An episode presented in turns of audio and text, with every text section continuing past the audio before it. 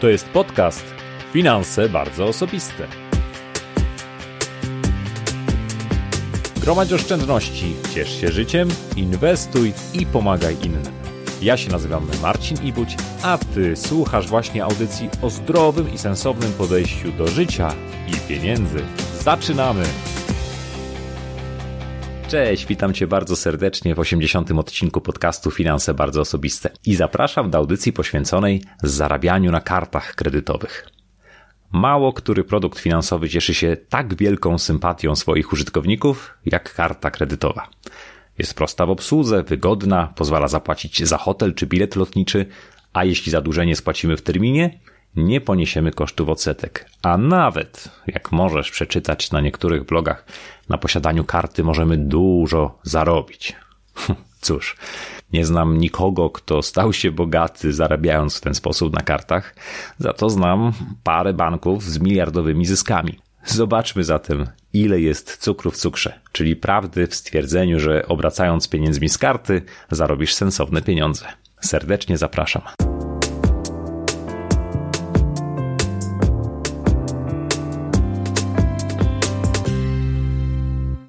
Jak zarabiasz na kartach kredytowych?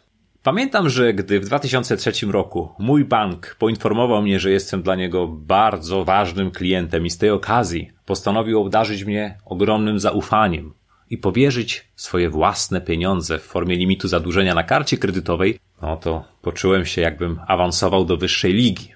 Oto ja, przeciętny człowiek z Dolnego Śląska, zostałem doceniony przez renomowaną instytucję finansową i od tej pory mogę z dumą wręcz przy kasie pokazywać kartę kredytową, no a swoje własne pieniądze trzymać na przykład na dobrze oprocentowanym rachunku. Właśnie taki mechanizm, czyli korzystanie z pieniędzy banku, podczas gdy nasze pieniądze leżą sobie na rachunku czy na jakiejś lokacie, to ten mechanizm jest uznawany za jedną z największych zalet kart kredytowych i często jest też wykorzystywany w ich sprzedaży. I za chwilę opowiem więcej o tym i o innych sposobach zarabiania na kartach. Ale najpierw wyjaśnimy sobie ważną rzecz.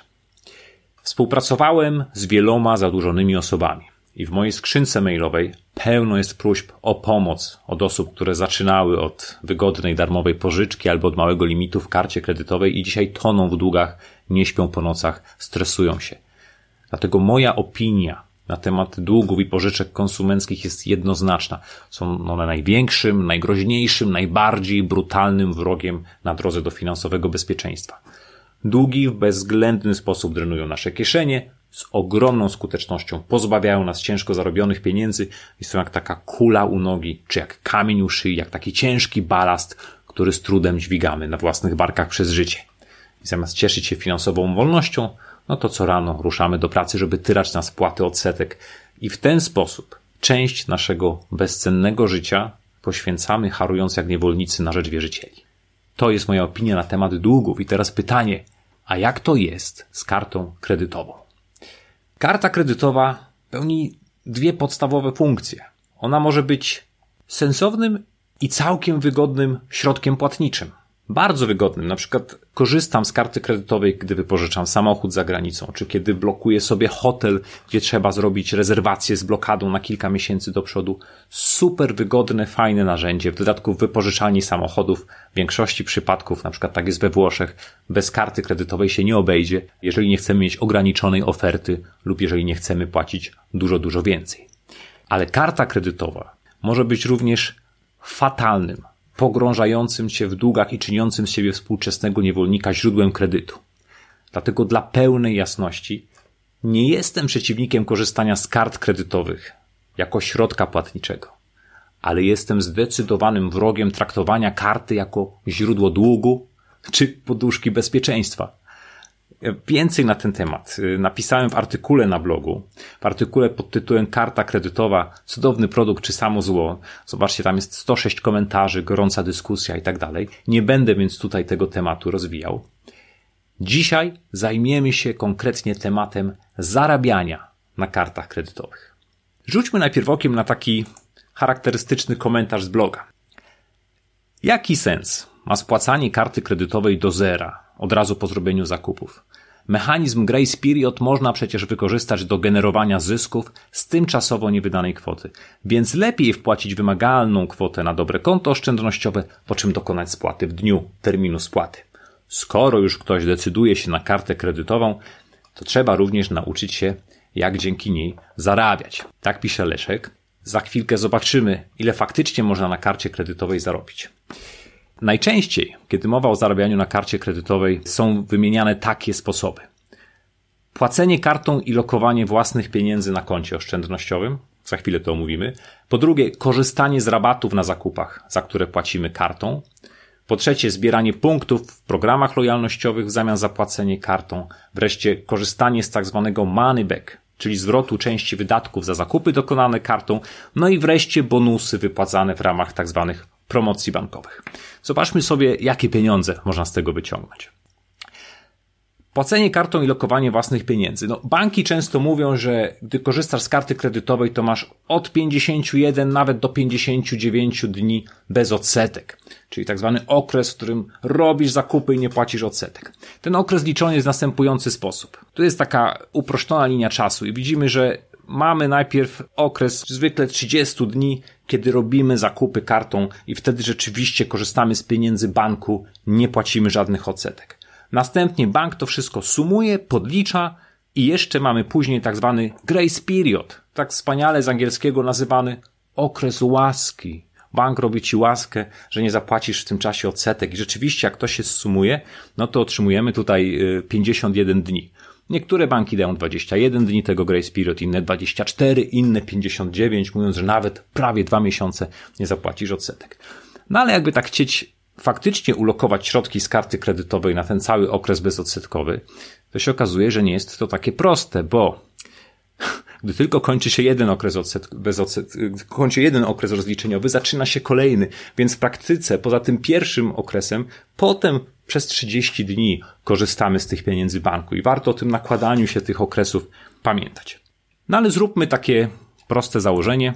Wpływa Ci wynagrodzenie na konto i masz limit na karcie kredytowej.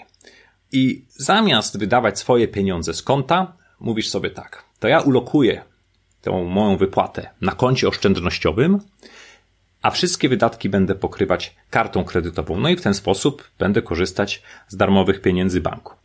No i załóżmy, że ulokujesz te swoje pieniądze na 3% skali roku.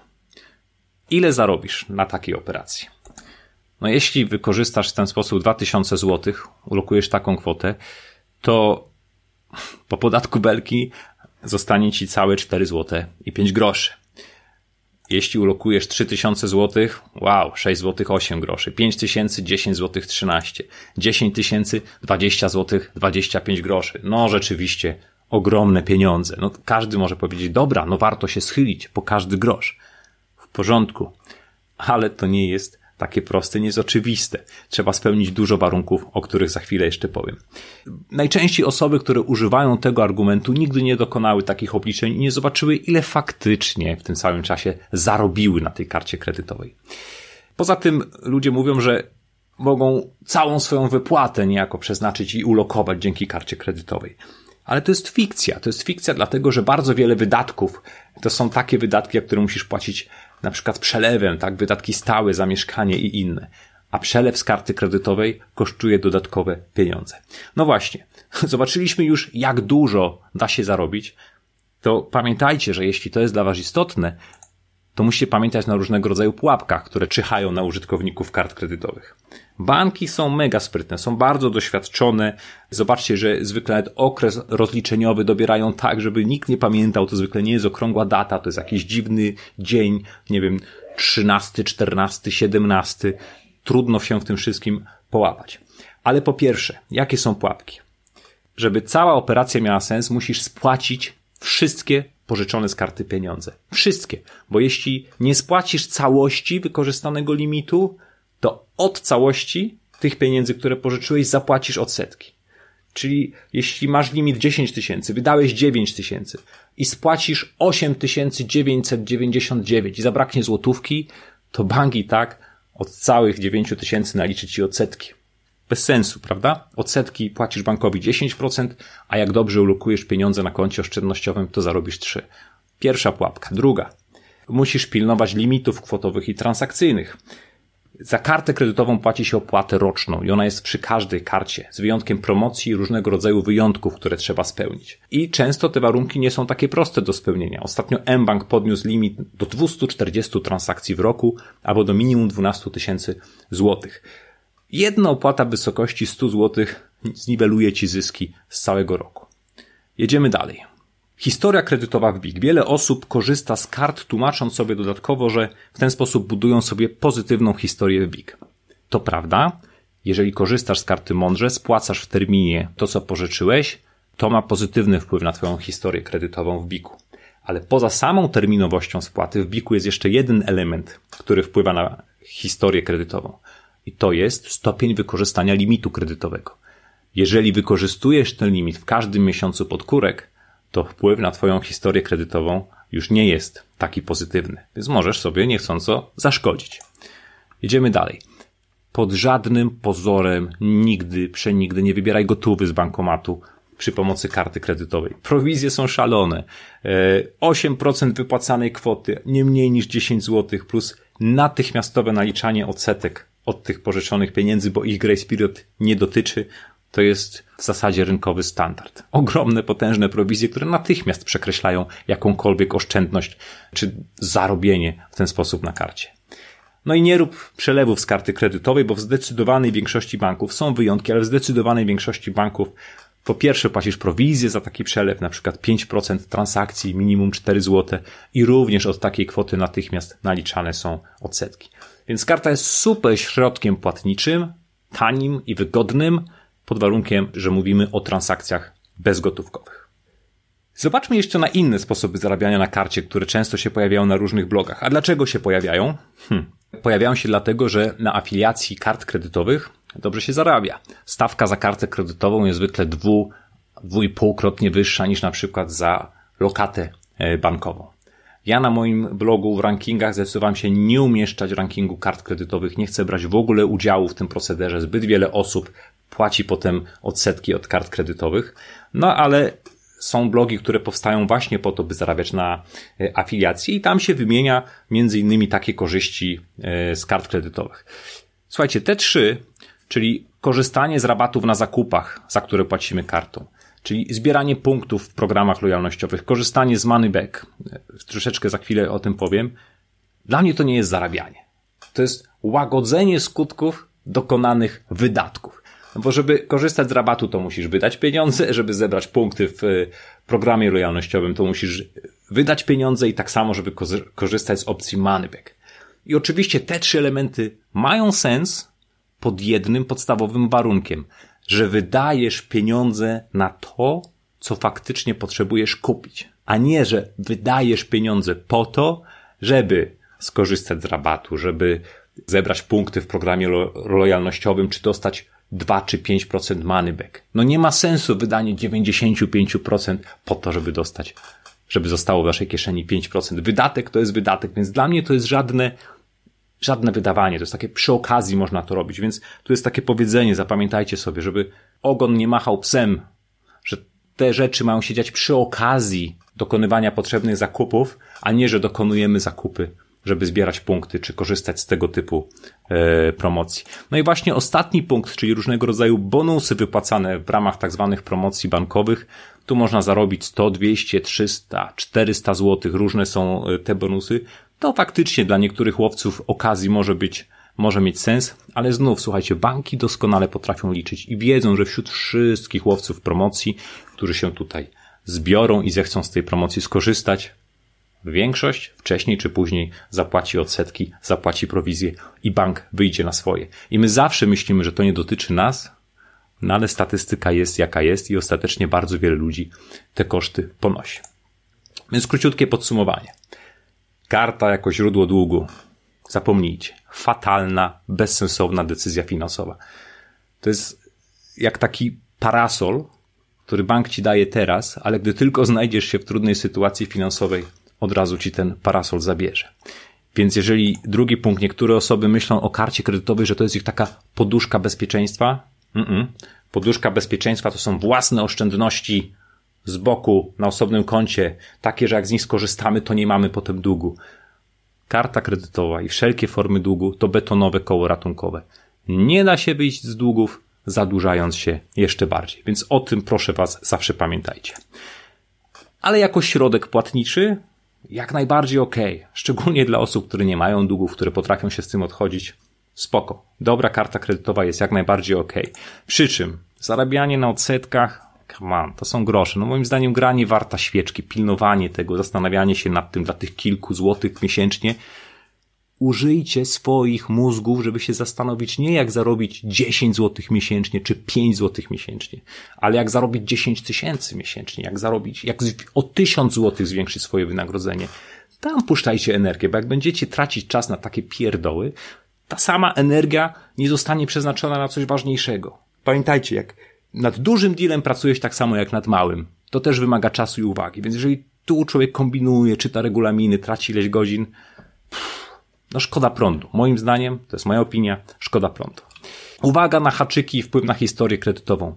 Nie wykorzystujcie tych limitów podkórek. 80-85% ok, ale jeżeli za każdym razem walimy w dno, no to, to nie ma pozytywnego wpływu na historię kredytową.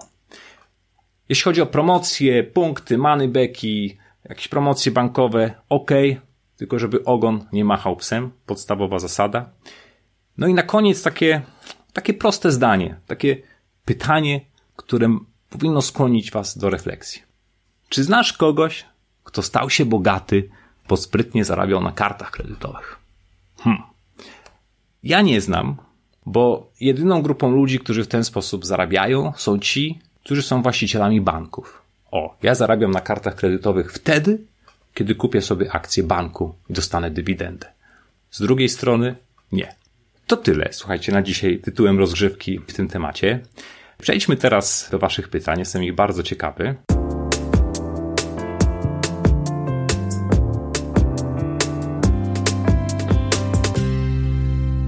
Pierwsze pytanie od Michała. Michał pisze tak. Od tygodnia walczę z finansami. Stworzyłem budżet, stworzyłem cele. Teraz już nie kupię nic niepotrzebnego.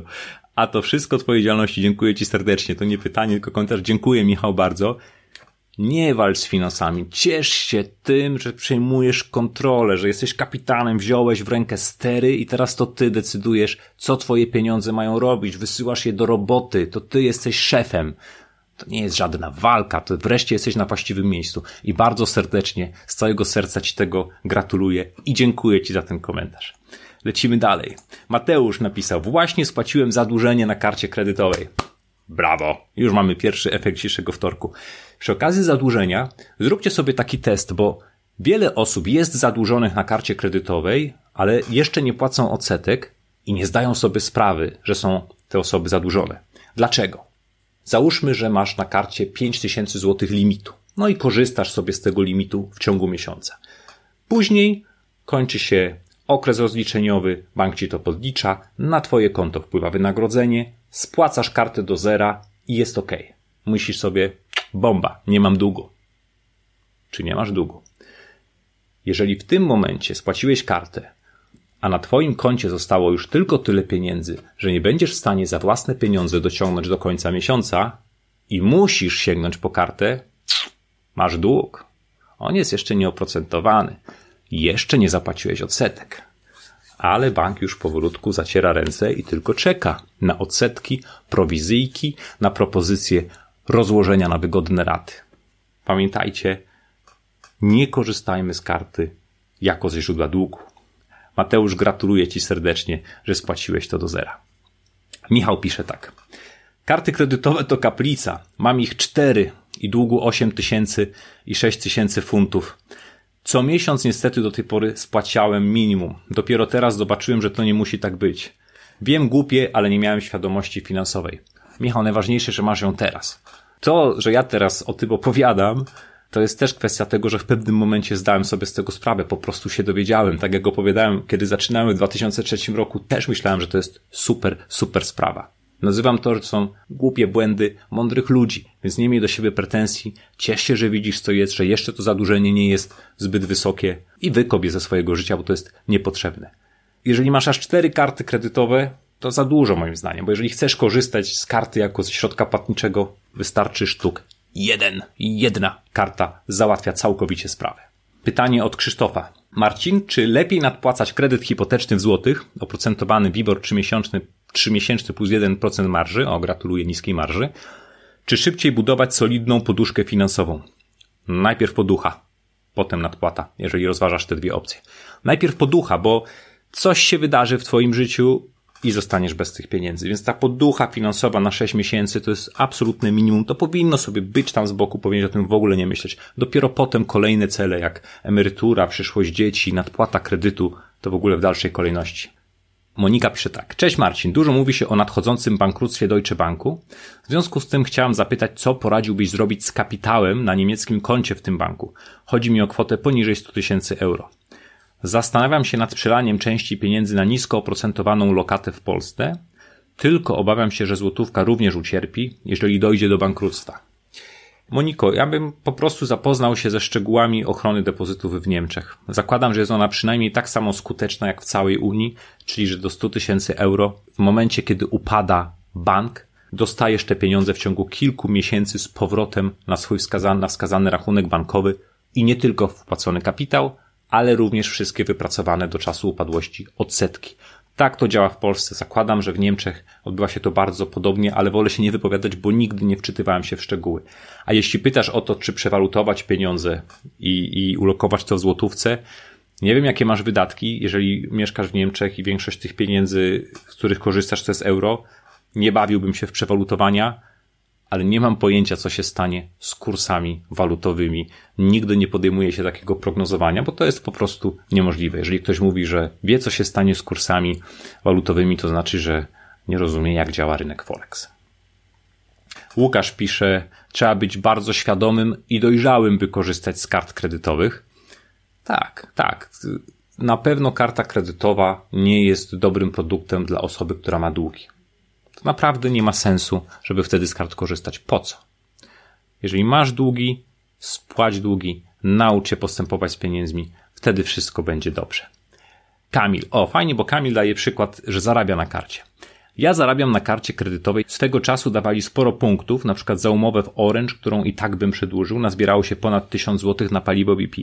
Co do opłat za kartę wystarczy zadzwonić i powiedzieć, żeby anulowali roczną, bo jesteśmy stałymi klientami. Nie zapłaciłem złotówki za kartę. Jeżeli masz taką dyscyplinę, jeżeli opłacać się tego pilnować, spoko. Tak jak powiedziałem, nie jestem wrogiem tych rzeczy. Uważam tylko, że jeżeli poświęca się na to zbyt dużo czasu, to lepiej ten czas przeznaczyć na coś zdecydowanie bardziej rentownego. Ale zwracasz też uwagę na fajną rzecz odnośnie opłaty rocznej. Słuchajcie, banki wiedzą, że posiadacz karty kredytowej wcześniej czy później się potknie. Oczywiście nie ten konkretny posiadacz, ale że jak weźmiemy cały portfel klientów, to i tak większość z nich zacznie płacić odsetki i prowizje. Dlatego robią wszystko banki, żebyśmy te karty jednak mieli. Jeśli zadzwonicie do banku i powiecie, że chcecie zrezygnować z karty, z automatu dostaniecie albo polepszenie warunków, albo zwolnienie z jakiejś opłaty, albo zwrot jakiejś prowizji. Więc jeżeli w waszym przypadku coś takiego miało miejsce, że bank naliczył wam prowizję, wkurzcie się, zadzwońcie, powiedzcie, co to jest, jestem waszym klientem, proszę mi oddać pieniądze i na 99,9% bank zgodzi się na to, żeby taką prowizję ci zwrócić. I jeszcze pytanie od Sylwii. Jak można zabezpieczyć dorosłą osobę niepełnosprawną, córka 24 lata? Odkładam jej co miesiąc 100 zł od jakiegoś czasu. Uzbierała się jakaś kwota. Ale co z tym dalej? Jakieś pomysły? Sylwia, jeżeli co miesiąc składasz 100 zł od jakiegoś czasu, to zakładam, że to nie są jakieś potężne pieniądze, ale pieniądze, które mogą być Wam bardzo, bardzo potrzebne i powinny być pod ręką lokowałbym je w sposób bardzo bezpieczny. Na dobrze oprocentowanym, bezpiecznym koncie oszczędnościowym, ewentualnie, jeżeli taki produkt jest Ci znany, na detalicznych obligacjach Skarbu Państwa. Nic więcej. W ogóle nie rozglądałbym się za żadną bardziej ryzykowną alternatywą e, w takiej sytuacji. To tradycyjnie na zakończenie cudowny, wspaniały e-mail z mojej skrzynki. Słuchajcie, po ostatnim odcinku na temat motywacji w dbaniu o finanse, Magda napisała mi bardzo fajne fajną historię o tym, jak ona motywuje się do dbania o finanse. Napisała tak. Pochodzę z małej miejscowości, z przeciętnej finansowo rodziny. Po szkole średniej studia zaoczne i praca, kredyt na samochód, wynajęta kawalerka, standard. Samodzielność starczyła od pierwszego do pierwszego.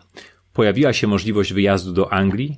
Jako młoda osoba przeżyłam szok, że można zarabiać tak duże pieniądze. Od razu snucie planów, że szybko odłożę i wracam do Polski, bo jak to na obczyźnie, tęsknota za domem, więc dużo latałam. W pierwszej kolejności wydawałem pieniądze na nieosiągalne wcześniej rzeczy. Nadrabiałem tak zwane braki. Kupiłam mamie komputer, później samochód, jakiś remont w domu i tak dalej. I Magda fajnie o tym pisze, że zarobionymi pieniędzmi malowałam uśmiech na twarzach bliskich. I odkryłam w sobie minimalistkę. I że do tej pory nie mogę wytłumaczyć mamie, że nie potrzebuję durszlaka na wyposażeniu kuchni, gotując makaron raz na miesiąc, tak samo tłuczka do kotletów, nie jedząc mięsa. I Magda pokazuje, jak zmieniła jej się optyka i o tym, że nie wydaje, pisze tak, ja nie wydaję pieniędzy na rzeczy, których nie potrzebuję, ale z lekkością przychodzi mi kupowanie nowej pary butów dla mamy, czy kolejnych zabawek dla bratanków. Moim celem jest szczęście wypisane na twarzach najbliższych, że jest ono jak balsam dla mojego serca. Zrozumiałam, co dla mnie się liczy. Teraz mieszkam w Norwegii, zarabiam jeszcze większe pieniądze, także to nie jest historia o długach, ale mimo to moje potrzeby nie wzrosły. Koszty utrzymuję na tym samym poziomie, a wszystkie pozostałe nadwyżki rozdzielam w budżecie. Oszczędzam, ale nie tylko na siebie, tylko na, również na bliskich. Jestem z tego pokolenia, co ma niewyczerpalne możliwości rozwoju. Są święte słowa. My wszyscy jesteśmy z tego pokolenia, słuchajcie. I do tego wszystkiego, co potrzebuję, mogę dojść sama. Wszystko mam, co potrzebuję. Podróżuję. Nic więcej nie chcę, tylko zdrowia dla siebie i dla bliskich. Dlatego spełniam ich marzenia. Tato marzył o wędkowaniu w norweskich fiordach. Widok łez wzruszenia, kiedy złowił pierwszą rybę, bezcenny. Moją życiową misją jest być szczęśliwą osobą, a szczęście daje mi uszczęśliwianie ważnych dla mnie osób, rodzinę, przyjaciół. I temat tego maila od Magdy gromadź oszczędności, ciesz się życiem, inwestuj i pomagaj innym, gdzie ciesz się życiem, pomagaj innym, jest tak pięknie wyboldowane. Magda, dziękuję Ci bardzo serdecznie za tego maila. Dokładnie o to chodzi, słuchajcie, żeby dzięki pieniądzom realizować to, na czym nam zależy, realizować nasze pasje i marzenia i nie nabijać kabzy bankom, nie szukać sposobów na zarobienie na karcie kredytowej, tylko najzwyczajniej w świecie wykorzystywać pieniądze dla nas. Trzymajcie się, wszystkiego dobrego, cześć!